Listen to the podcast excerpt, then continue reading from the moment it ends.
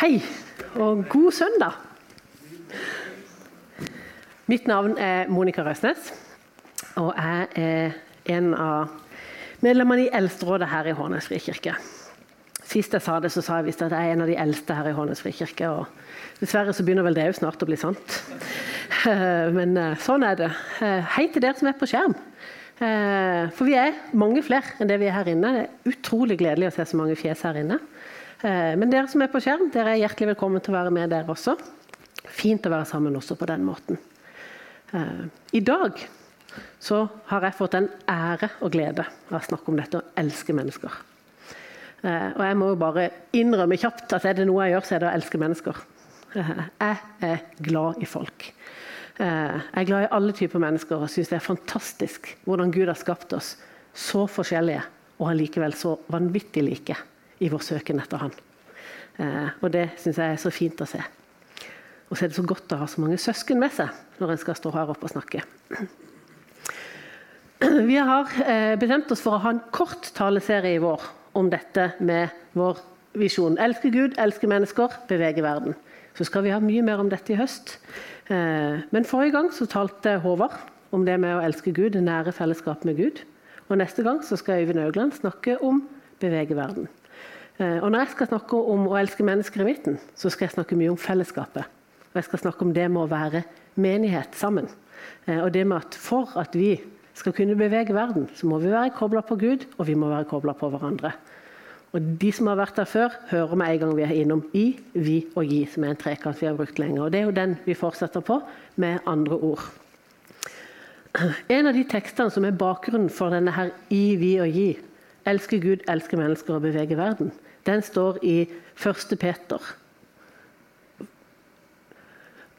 Sett derfor all deres iver inn på å la troen føyes sammen med et rett liv, og det rette livet med innsikt, innsikt med selvbeherskelse, selvbeherskelse med utholdenhet, utholdenhet med gudsfrykt, gudsfrykt med søskenkjærlighet og søskenkjærlighet med kjærlighet til alle.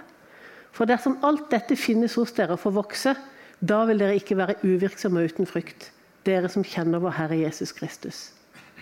Så Der ser dere noe av fundamentet for, for tanken. Elske Jesus, være et godt søskenfellesskap for å sammen kunne være med og bevege den verden vi er i. Denne talen her så kommer jeg til å bruke mye bibeltekst. For jeg tenker at det vi snakker om, det skal være fundamentert her. Eh, så Derfor kommer det en del bibeltekst for å finne sannheten der han er. Og Det vanskeligste for meg i denne talen det var faktisk å begrense bibeltekst. For når du søker ordet 'hverandre' og 'fellesskap' i Bibelen, så kommer det opp så mye tekst at jeg egentlig bare kunne stått her en halvtime og lest. Jeg kunne stått her en time eller to og lest. Så derfor er det for meg en god bekreftelse for at fellesskapet vårt er viktig. Men vi er i en spesiell tid. Korona. 20. Eh, nei, 12. mars 2020 så endra verden seg veldig for oss. Eh, vi ble eh, satt i lockdown. Vi ble isolert hjemme i våre hus.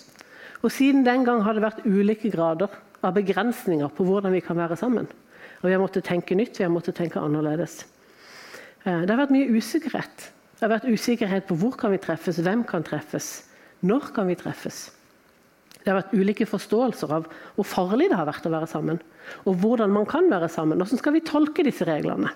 Det har vært ulike forventninger til hvordan fellesskapet skal fungere i en sånn tid.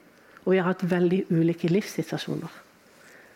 Noen har hatt store familier, har hatt flere kohorter de har vært i. Andre har nok opplevd å være veldig ensomme. Det har vært store forskjeller. Ehm, de store fellesskapene våre har vært prega av annenhver rad må vi sitte på. Det har vært prega av innregistrering, innramming. Sitter nå alle der de skal? Det har vært lett å miste fokus ut på gjør vi som vi skal, istedenfor hei, her er vi sammen. De små fellesskapene har i noen grad blitt digitale. Vi har lært oss å be sammen på Teams. Eh, vi har lært oss å dele liv gjennom en skjerm. Eh, Det har vært mindre fellesskap. Vi måtte dele oss i mindre grupper for å kunne treffes. Vi måtte kunne treffes ute. Det har vært ufor, uforutsigbart for den ene går inn i karantene, og den andre ut av karantene. Så vi har hele tida måttet være i en ekstrem fleksibilitet. Og da er det lett å miste oversikt. Og det er lett å miste den der fellespulsen. Og lett å miste kontakten med hverandres liv. Og hvordan har du det egentlig? Derfor er det ekstra viktig når vi nå sakte åpner opp samfunnet vårt, at vi har fokus på å gjenopprette fellesskapsfølelsen. Vi har fokus på nærhet. Vi har jobba med å klare å se. Vi må fortsette å se, og vi må fortsette å løfte hverandre opp. Og prioritere fellesskapet mer enn noen gang. Og komme tilbake i det som den gode rytmen og den gode rutinen. Mye av ansvaret på å lage gode rammer, for det ligger selvfølgelig på oss eh, som har ulike lederfunksjoner i menigheten. Men det ligger på oss alle å være med og tenke at nå er fellesskap viktig. For skal vi elske mennesker, så må vi begynne med å elske hverandre. Vi må være tett sammen. Eh, vi må være de som løfter, bærer, støtter og står sammen. Eh, en av grunntekstene den leste vi faktisk noe for på forrige gudstjenesten også, men den er så innmari viktig i forhold til dette med både nærhet til Kristus og fellesskap at vi leser den igjen. Apostlenes gjerninger 2. Fellesskapet mellom de troende. De holdt seg trofast til apostlenes lære og fellesskapet, til brødsbrytelsen og bønnene. Hver og en ble grepet av ærefrykt, og mange under og tegn ble gjort av apostlene. Alle de troende holdt sammen og hadde alt felles. De solgte eiendommene sine, alt de eide, og delte ut til alle etter hvert, enkel, hvert som enkelt trengte det. Hver dag holdt de trofast sammen på tempelplassen, og hjemmene brøt de brødet og spiste sammen med oppriktige og hjertelig glede. De sang og lovpriste Gud og var godt likt av hele folket. Og hver dag la Herren til nye som lot seg frelse. Og jeg sier ikke nå at vi skal gå og selge alt vi eier, og sitte her oppe hver dag og synge kumbaya. Men jeg sier at fellesskapet er viktig. Nærheten til hverandre er viktig. Det er å dele, det er å ofre for hverandre. Eh, ok, jeg kan dele det, du kan dele det. Det å være sammen i hverdagen. Hver dag. Ikke bare annenhver søndag. Eh, det å tenke at det jeg har, bidrar jeg med inn. Det kan være økonomi, men det handler også om tid, ressurser. Det handler om at vi lever hverdagslivet sammen. For gjennom det hverdagslivet vi symboliserer, får vi nye mennesker interessert i å være med. Hver dag la Herren til nye til fellesskapet. Til fellesskapet til oss sammen. Dette dere, er viktig. Og Det er noe med den der guddommelige kjærligheten mellom oss som blir vår styrke, og blir rustningen som vi trenger når vi skal møte verden. Eh, det har iallfall jeg erfart mange ganger. At jeg trenger en rustning, jeg trenger en styrke, jeg trenger en, en hærskare rundt meg i hverdagen. Og det har jeg i fellesskapet. Og Vi er en menighet som drømmer om at det skal være robuste familier som rommer mer enn seg sjøl. Og en familie er ikke bare en familie med mor, far og to barn. En familie kan være en enslig. En familie kan være et par. Det kan være unge. Det kan være eldre. Det finnes mange former og typer familier. Men vi ønsker å være robuste familier som rommer mer enn seg sjøl. Og Da er vi helt avhengige av å støtte hverandre i det. Og Vi er avhengige av å backe hverandre opp, og vi er avhengige av å kunne hjelpe hverandre å finne våre ressurser og vår måte å være den robuste familien, den robuste enheten, i møte med mennesker rundt oss. Nå kommer den lengste teksten jeg skal ha, men den synes jeg er faktisk rett og slett vakker. er det eneste ordet jeg har for den teksten. Og Den er fra Romerne. Hele Romerverset 12 handler om fellesskapet, så nå har jeg bare tatt et nokså stort utdrag. Vi har én kropp, men mange lemmer, alle med ulike oppgaver. På samme måte er vi alle én kropp i Kristus, men hver for oss er vi hverandres lemmer. Vi har forskjellige nådegaver, alt etter den nåde Gud har gitt oss. Den som har profetisk gave, skal bruke den i samsvar med troen. Den som har en tjeneste, skal ta seg av sin tjeneste. Den som er lærer, skal undervise. Den som trøster, skal virkelig trøste. Den som gir sitt, av sitt eget, skal gjøre det uten baktanker.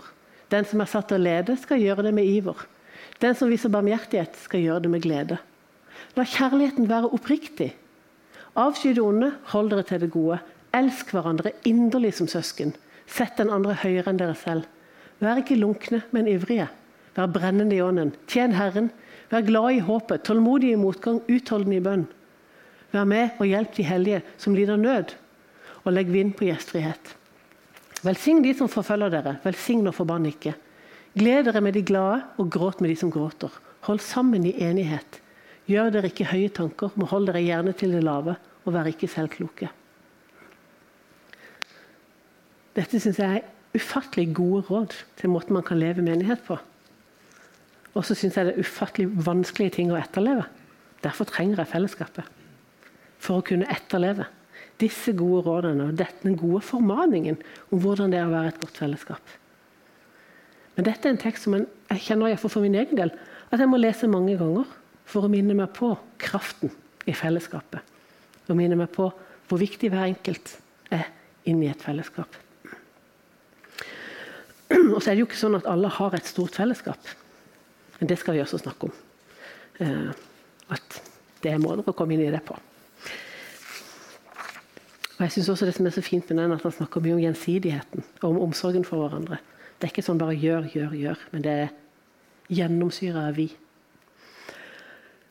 Når vi har tenkt denne visjonen i forhold til nærhet, til nei, elsker Gud, elsker mennesker og beveger verden, så har vi også prøvd å sette noen sånn pilarer under på hva vil det da si. Eh, og I forhold til det med å elske mennesker, så har vi snakka om tilhørighet, tilgivelse og tjeneste. Tilhørighet det er at det er et sted som er ditt hjem. At din, ditt fellesskap, din menighet, definerer du som et hjem. Det er ditt folk. Det er stedet du henter din energi, inspirasjon og dine krefter. For oss som går her i Hånes frikirke, betyr det at det bør være en naturlig tanke for oss å si velkommen hjem. Vi har mer folk inn her.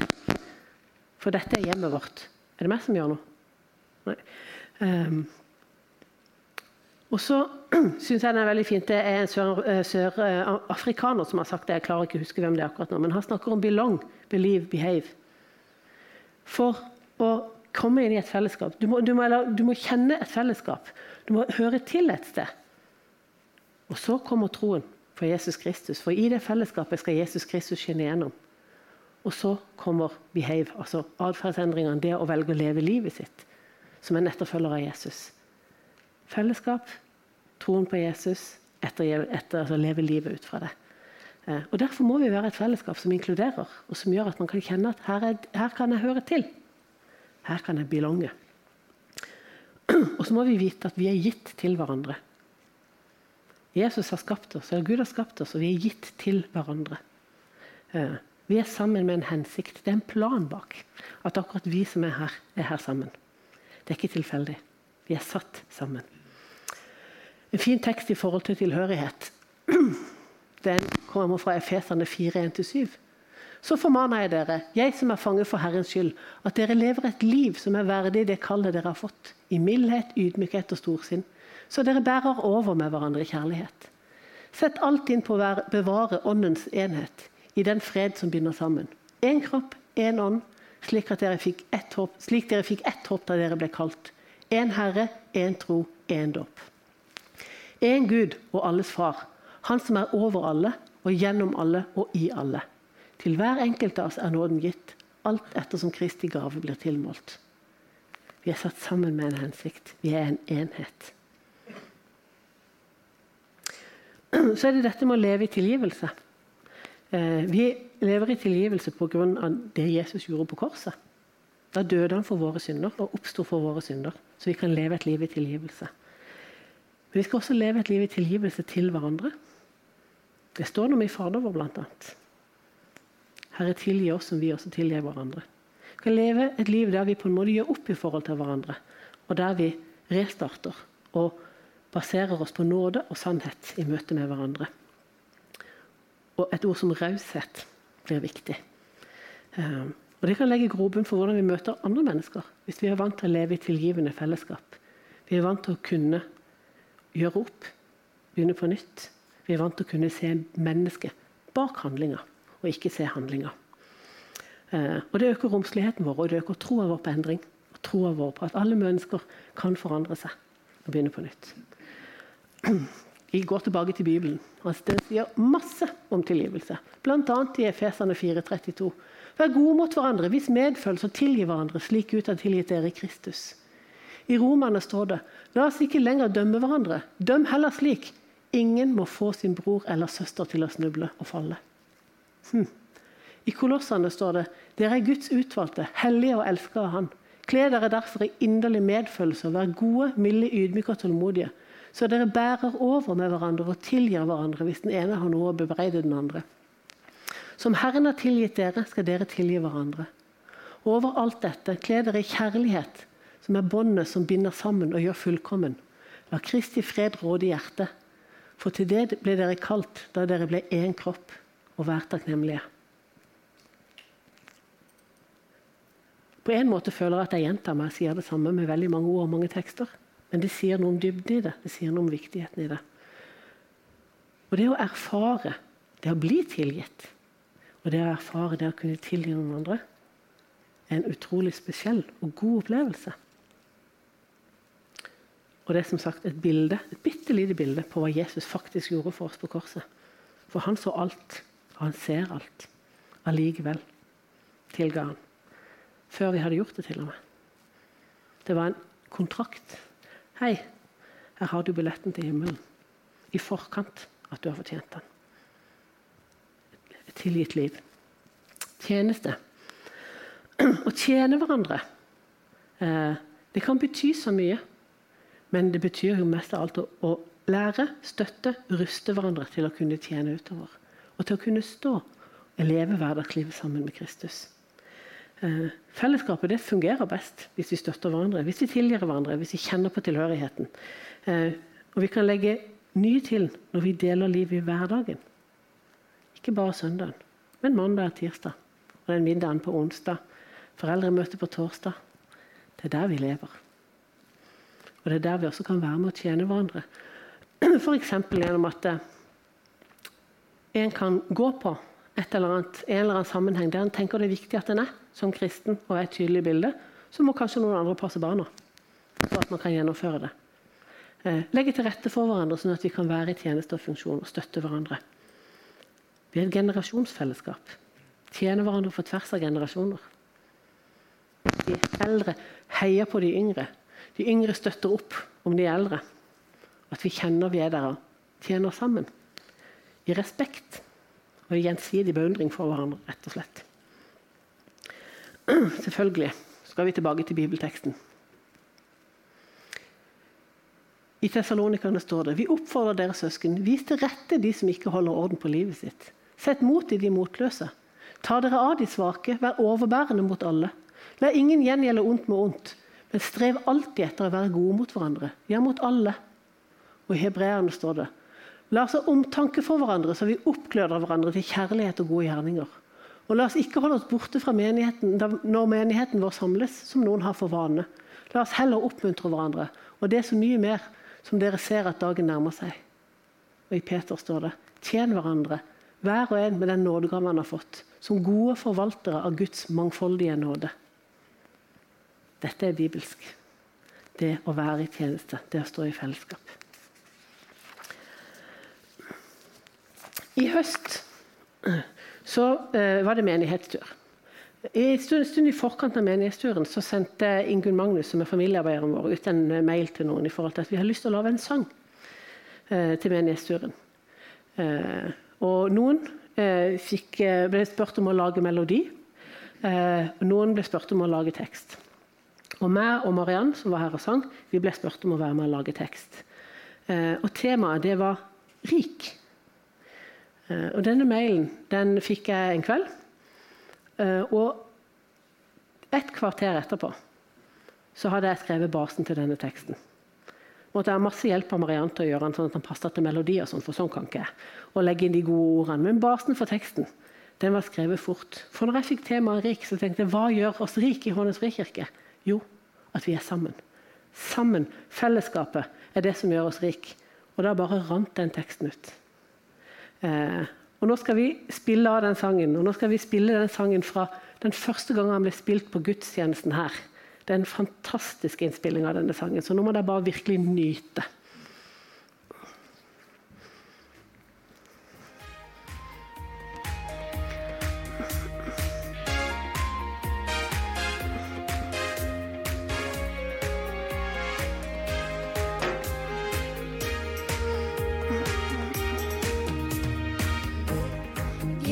Gitt oss alt vi trenger.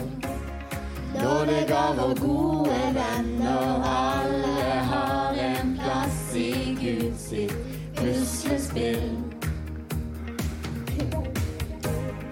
Vi er ikke alle sammen. Og vi går i Jesu navn. Han har lagt en mesterplan for at vi skal kjenne Han. Sammen skal vi bygge riket.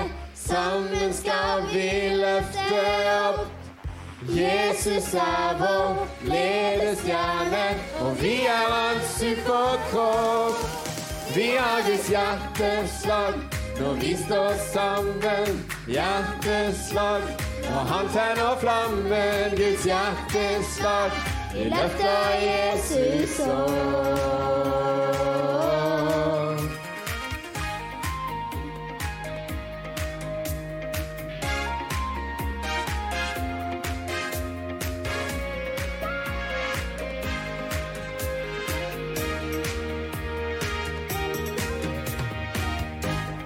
Sammen som en stor familie skal vi bygge kroppen sterk i tro, så vi kan leve flere små og store inntil Han.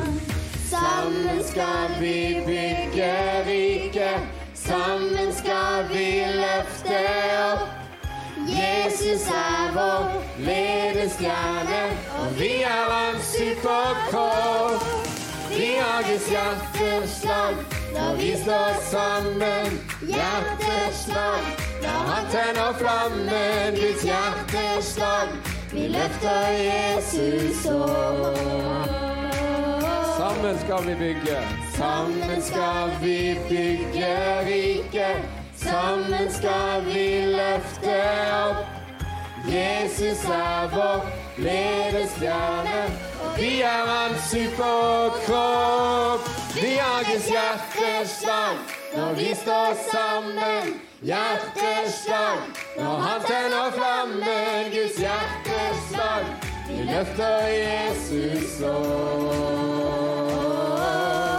Vi har Guds hjerteslag når vi står sammen. Hjerteslag han tenner flammen. ditt hjerteslag. Er de ikke bare helt fantastiske? Og så syns jeg det er så nydelig, for det er akkurat sånn et fellesskap skal være. Vi er ikke alltid i takt. Og vi har ikke alltid samme entusiasme i det vi gjør. Men vi får gjennom budskapet vårt. Vi får snakka og vi får formidla det som er viktig. Og det er jo det som er viktig. Ikke om det er sånn at alt er helt på stell og alt er helt perfekt hele tida. Det er helt perfekt uperfekt. Og det syns jeg den sangen og den formidlinga som er her oppe Jeg ble så glad når jeg så at det var den versjonen vi hadde, for jeg tenkte det var sånn, akkurat en sånn er det. Eh, det er nydelig. Eh, og disse her er entusiastiske her, ikke sant? Og så er det noen andre som Å ja, nå var vi visst entusiastiske. Ikke sant? Og så henger en med. Og så er det akkurat en sånn vi er i alle våre virkegreiner. At vi har forskjellig energi inn. Eh, og så er det noen som har en plan. Og så er det noen som syns det er fint å stå på scenen, og så er det noen som lurer på hvorfor står jeg her. Eh, men vi er allikevel med, og vi er en del av det. Og Dette var noe som skjedde i et generasjonsfellesskap med både melodi Noen av disse jentene hadde lagd koreografien og sangen sjøl. Eh, det skjedde i et godt spenn i alder å lage denne sangen. Eh, og den handler om det viktige. Sammen skal vi bygge riket. Sammen skal vi løfte opp. Jesus er vår lederstjerne, og vi, vi er hans superkropp. Og vi har Guds hjerteslag når vi står sammen. Vi har hans hjertes, hjerteslag, og han tenner flammen. Guds hjerteslag. Vi løfter Jesus opp. Og når vi fungerer, så går den pulsen gjennom oss. Da har vi et felles hjerteslag. Og Det er fantastisk å tenke på og kjenne på. Og en enorm rik del, rikdom å være en del av. Veldig takknemlig for det. I Johannes så står det Et nytt bud gir jeg dere. Dere skal elske hverandre som jeg har elsket dere. skal dere elske hverandre. Ved dette skal alle forstå at dere er mine disipler, at dere har kjærlighet til hverandre. Og Litt senere i Johannes så står det Og dette er mitt bud. Dere skal elske hverandre som jeg har elsket dere. Ingen har større kjærlighet enn den som gir livet for vennene sine. Dere er mine venner hvis dere gjør det jeg befaler dere. Jeg kaller dere ikke lenger tjenere, for tjenere vet ikke hva Herren hans gjør. Jeg kaller dere venner, for jeg har gjort kjent for dere alt jeg har hørt av min far. Dere har ikke utvalgt meg, men jeg har utvalgt dere og satt dere til å gå ut og bære frukt. En frukt som varer. Da skal, faren, min, da skal far gi dere alt dere ber om i mitt navn. Dette er mitt bud til dere. Elsk hverandre. Å elske hverandre er ikke et valg. Det er faktisk et påbud. Det er et kall. Vi er satt til å elske hverandre. Vi er ikke satt til å vurdere om vi liker hverandre. Vi er ikke satt til å vurdere om en passer sammen med den ene eller den andre. Vi er satt til å elske hverandre. Og det vet vi alle sammen at av og til trenger vi virkelig guddommelig kraft for å kjenne på at vi elsker hverandre. Eh, noen dager er det lett å elske noen. Andre dager er det kjempevanskelig å elske noen. Det, kan, altså, det kjenner vi på de nære fellesskapene, det kjenner vi på de litt mer, eh, mer perifere, perifere, fellesskapene. Men vi er kalt til det. Og hva gjør vi da på de vanskelige dagene? Da går vi tilbake til Gud. Så ber vi. Så snakker vi med Gud. Herre, gi meg kraft og styrke og forståelse, og omvend mitt hjerte, så jeg kan kjenne på kjærlighet til dette mennesket. Fremfor å ta det skrittet tilbake og si nei, vi fungerer ikke sammen. Da går vi forover. Da søker vi Gud. Og så søker vi fellesskapet for å hjelpe oss å fungere i fellesskapet. Da er vi foroverlente. Og så må vi hele tida huske at vi lever nettopp i det perfekte uperfekte. Eh, så vi må leve ærlig, og vi må leve nært. Vi er ikke interessert i å være et glansbildefellesskap. Et Facebook-fellesskap som viser bare fjelltopper og bare lykkelige søndagsfrokoster. Vi har lyst til å være ærlige med at livet krever. Livet kan være utfordrende. Livet kan være vanvittig fint og herlig. Og hele spekteret ønsker vi å være ærlige med, og vi ønsker å dele det. Og Fordi at det er vanskelig å alltid skulle gjøre for en, et ståsted som dette, så er det når vi gjør i nære grupper og i nære fellesskap. Eh, sånn at vi der kan dele helt inn på klingen, og også gå inn og kunne være rettledere i forhold til hverandre. Være støttere. Snakke om nåde inn. Snakke sannhet inn i hverdagen og inn i livet vårt. Løfte hverandre. Et, eh, en setning jeg fikk når jeg begynte å jobbe med denne talen, det var det med å være hverandres pidestall. Jeg tenkte, mer jeg tenkte på enn til finere syns jeg den ble. En pidestall det er liksom den der, stål, den der tingen som en plante eller noe annet står oppå. Den der litt usynlige tingen under, som bare er stødig og stabil og gjør at denne planten eller denne figuren denne statuen kan komme høyt opp, så flere kan se den. Og Hvis vi kan være hverandres pidestall, hvis jeg for noen andre mennesker kan få lov til å være den som står litt usynlig bak, men gir stabil og stødig støtte, sånn at den andre kan få løftes opp i tjeneste arbeid, da fungerer jeg i fellesskapet. Så Det ble et viktig ord for meg, kunne være hverandres pidestall. Den som står bak og løfter opp. Og Da blir det jo en bønn Herre, hvem skal jeg være pidestall for? Hvem skal jeg løfte? Hvem er det jeg skal stå der og være den trygge basen som gjør at jeg står trygt i den jeg skal ut i? Den tjenesten jeg skal i. Og Nå snakker jeg ikke om sånn, sånn skinne, men nå snakker jeg om det å øve seg på nye ting. Det å prøve å gå inn i nye ting. Det å se seg selv i et bedre lys. Det å se mer av hvor høyt Gud elsker en. Da må en kanskje løftes opp, nærmere inn til Gud. Hei, Gud. Ikke 'hei, Gud', for Gud ser oss, men 'hei, kjære menneske, se, her er Gud'. Han vil være nær deg. Jeg skal løfte deg opp. Være hverandres bidestall. Så må vi være modige. Vi må tørre å involvere oss i hverandres liv. Vi må tørre å spørre de litt vanskelige spørsmålene.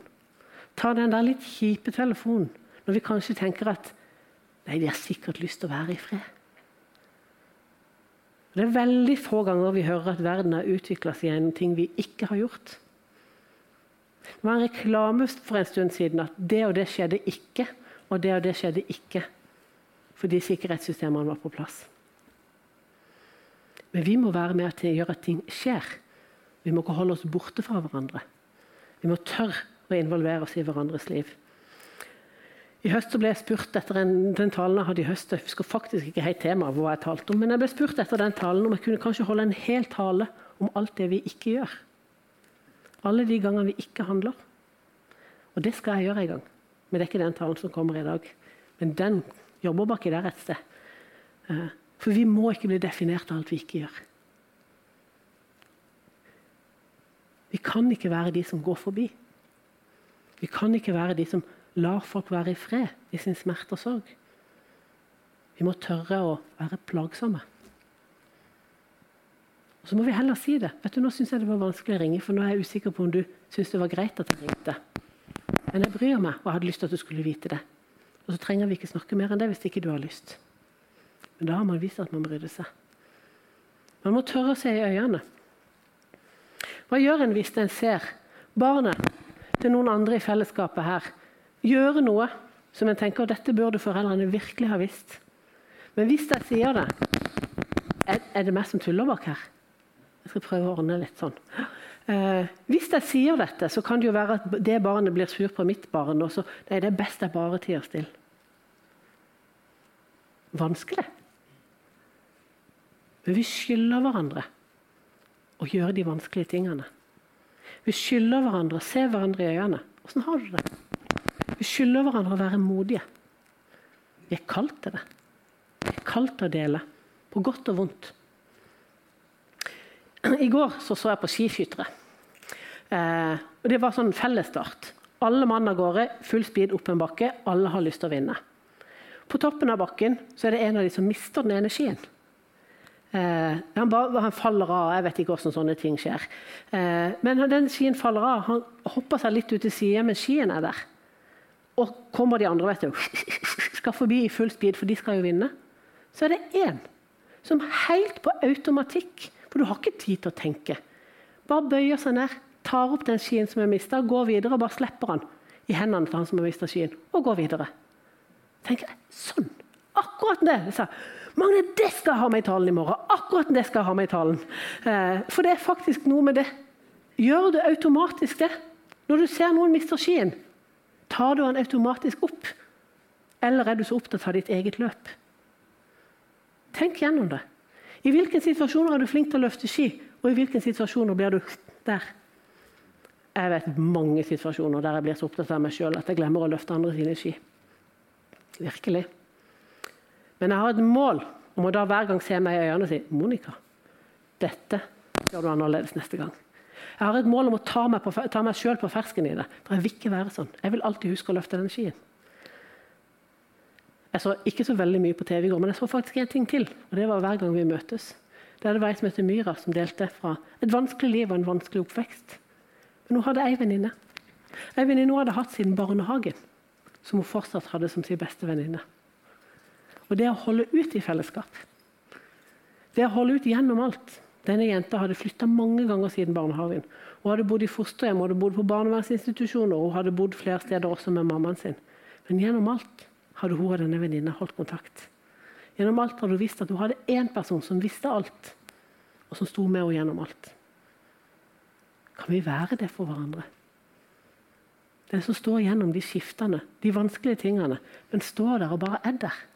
Ikke fordi at vi snakkes én gang i uka, men fordi at hvis det er noe, så er en bare en telefon unna. En liten messengermelding unna. Kan vi være det for hverandre? Da funker vi sammen. Kan vi også orke å være det for de som faktisk ikke klarer å være i fellesskapet? Men vite at det alltid er en vei tilbake. Vi alltid er her. Det er alltid åpne hjerter. Det er alltid åpne hjem. Det er alltid åpen kirke. Da fungerer fellesskapet. Jeg har noen fellesskapsbyggere som jeg ser veldig opp til. En av de jeg ser veldig opp til, det er Maria Timenes, som var ungdomspastor her i Frikirka i mange år. Eh, Maria hun var en som jobba målretta med å løfte andre. Hun fungerte som usynlig pidestall i veldig mange settinger. Hun så ungdommer, og så så hun jeg tror du er god til det. Jeg har lyst til å løfte deg på det. Og så jobba hun over tid. Og så investerte hun tid og krefter i å løfte. Og så inviterte hun tid og krefter i å sette sammen team. Du kommer til å være god sammen med den. Og så lot hun folk få prøve seg. Så var hun ikke opptatt av det perfekte. Men prøv, så går vi sammen videre. Hun støtta, og hun var villig til å evaluere etterpå. Jeg så mye på Maria. Jeg lærte mye av Maria i måten hun gjorde dette på. Jeg tenkte jeg har lyst til å bli like flink som Maria en gang. Jeg har et stykke å gå, for Maria er unikt god på det der. Men det Maria har gjort mer enn det. Det er at hun har satt dette ned som en kultur blant våre ungdommer. Så nå fortsetter dette å virke med at vi ruster til tjeneste. Og man er ute etter å se hva er du god på? Hva er dine nådegaver? Hvordan kan vi bruke det inn i fellesskapet? Og heier opp, støtter fram og gjør at folk finner sin plass i fellesskapet. Det ble sådd en kultur for det. Jeg er veldig takknemlig for den jobben Maria gjorde med det. Og jeg vet også at det konkret har påvirka livsvalg for flere av våre ungdommer. At hun tok seg tid, at hun så. En annen som jeg synes er en god fellesskapsbygger, det det er så mange av de at jeg kunne snakke om veldig mange, men nå skal jeg bare nevne noen få. Det er Håvard Lauland. Håvard Lauland er en som har vært her i menigheten i veldig mange år. Han har vært med og grunnlagt denne menigheten, og han var eldste i menigheten i mange år. Etter jeg ble eldste, så kommer Håvard hen. Åssen går det med deg? Åssen har du det? Er de greie med deg, Monica? Eh, og han vet svaret. Han vet de alltid er greie med meg, men han spør. Og han stiller løfter han stiller, heier. Og vet du hva han gjør mer? Han oppmuntrer meg, men han skaper også en trygg havn. Han gjør seg tilgjengelig. Sånn at jeg vet at hvis det var noe som var veldig vanskelig en gang, så vet jeg at Håvard Lauland er en av mine trygge havner. Han er et sted å gå. Hvis jeg trenger råd, veiledning, hjelp og støtte. Jeg så han bak der. Eh. Oh. Mm. Vi har mange familier her i menigheten som har hatt tøffe perioder. Da er det viktig at vi støtter opp om hverandre. Det er mange familier som opplever det at de har fått praktisk støtte. Vi har hatt noen som har kommet hjem og vaska et gulv, lagd en middag, passa noen unger. Eh, de har fått tilbud om hjelp, samtale og støtte. Vi trenger det, og så bytter vi på. Vi bytter på å være den som hjelper, og den som trenger den hjelpa og støtta. Det er ikke alle de historiene vi kan dele her oppe, for de historiene er private. Men det er utrolig flott å kunne være med og se når dette fellesskapet virker i praksis. Når det kommer inn den visjonen som vi fikk for mange år siden om denne her eh, felleskjøpgjengen som bare sveifer inn og kommer og er en støtte og fungerer og hjelper hverandre. Da fungerer det. Jeg har kjent på det sjøl, gjennom sykdom og gjennom tøffe ting. At plutselig så står bare de tingene du trengte der, rett foran deg, for noen bare kom innom. Plutselig kom noen på døra. Kanskje det ikke passa helt, men de kom allikevel. Og selv om de kanskje så at ikke det ikke helt at de kom, så kom de helt inn. Og Jeg viste litt motstand og hadde litt dårlig tid, men de kom helt inn. Og etterpå tenkte jeg det er bra. At de gikk over denne dørterskelen som jeg satte opp for å komme inn og for å vise at de brydde seg om akkurat meg. Det har betydd veldig mye. Og så vet jeg at det er noen som da sitter og kjenner på men når jeg hadde det vanskelig, så var det ingen som kom. Og det vil jeg beklage på det sterkeste. For det er faktisk sånn det Vi klarer ikke alltid se alt. Og vi klarer ikke alltid se alle. Derfor igjen er de små fellesskapene viktige. For i de små fellesskapene er det så mye lettere å se. I de små fellesskapene så merkes det så godt hvis noe er vanskelig. Og det er da modigheten kommer tilbake. Da må vi tørre å spørre. Tørre å invadere hverandre litt på en positiv måte. Da funker det. I min jobb så snakker vi om noe som heter 'elephants all the way down'.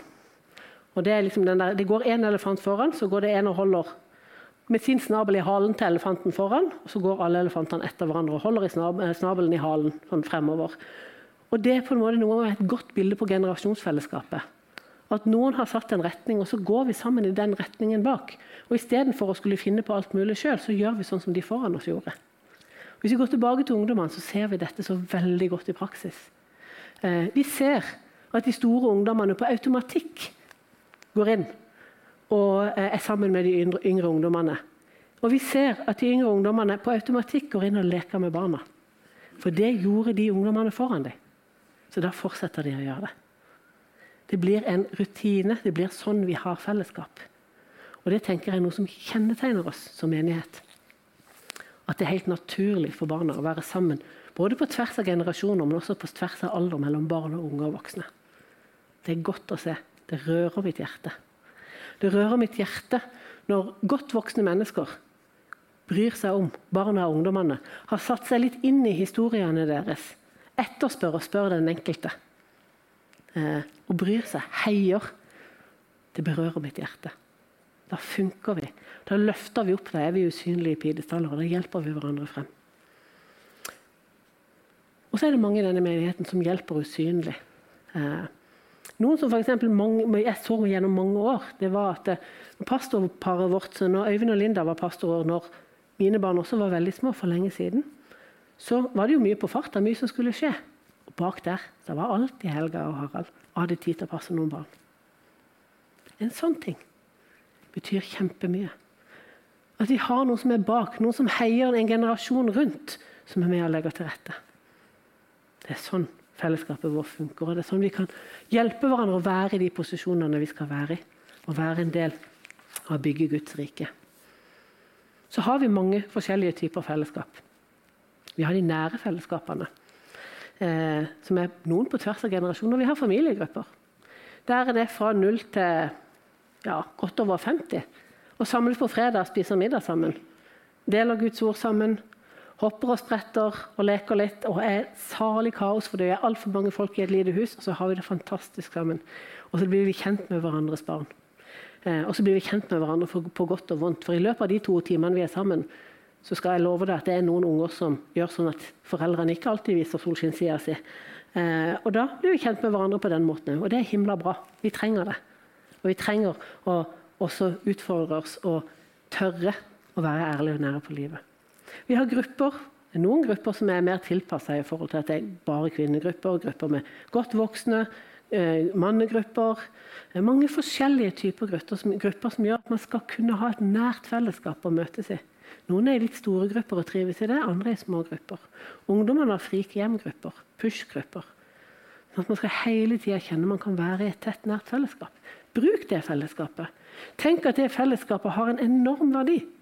Det å være nær og kjenne at noen faktisk er delaktig i din hverdag, er enormt viktig.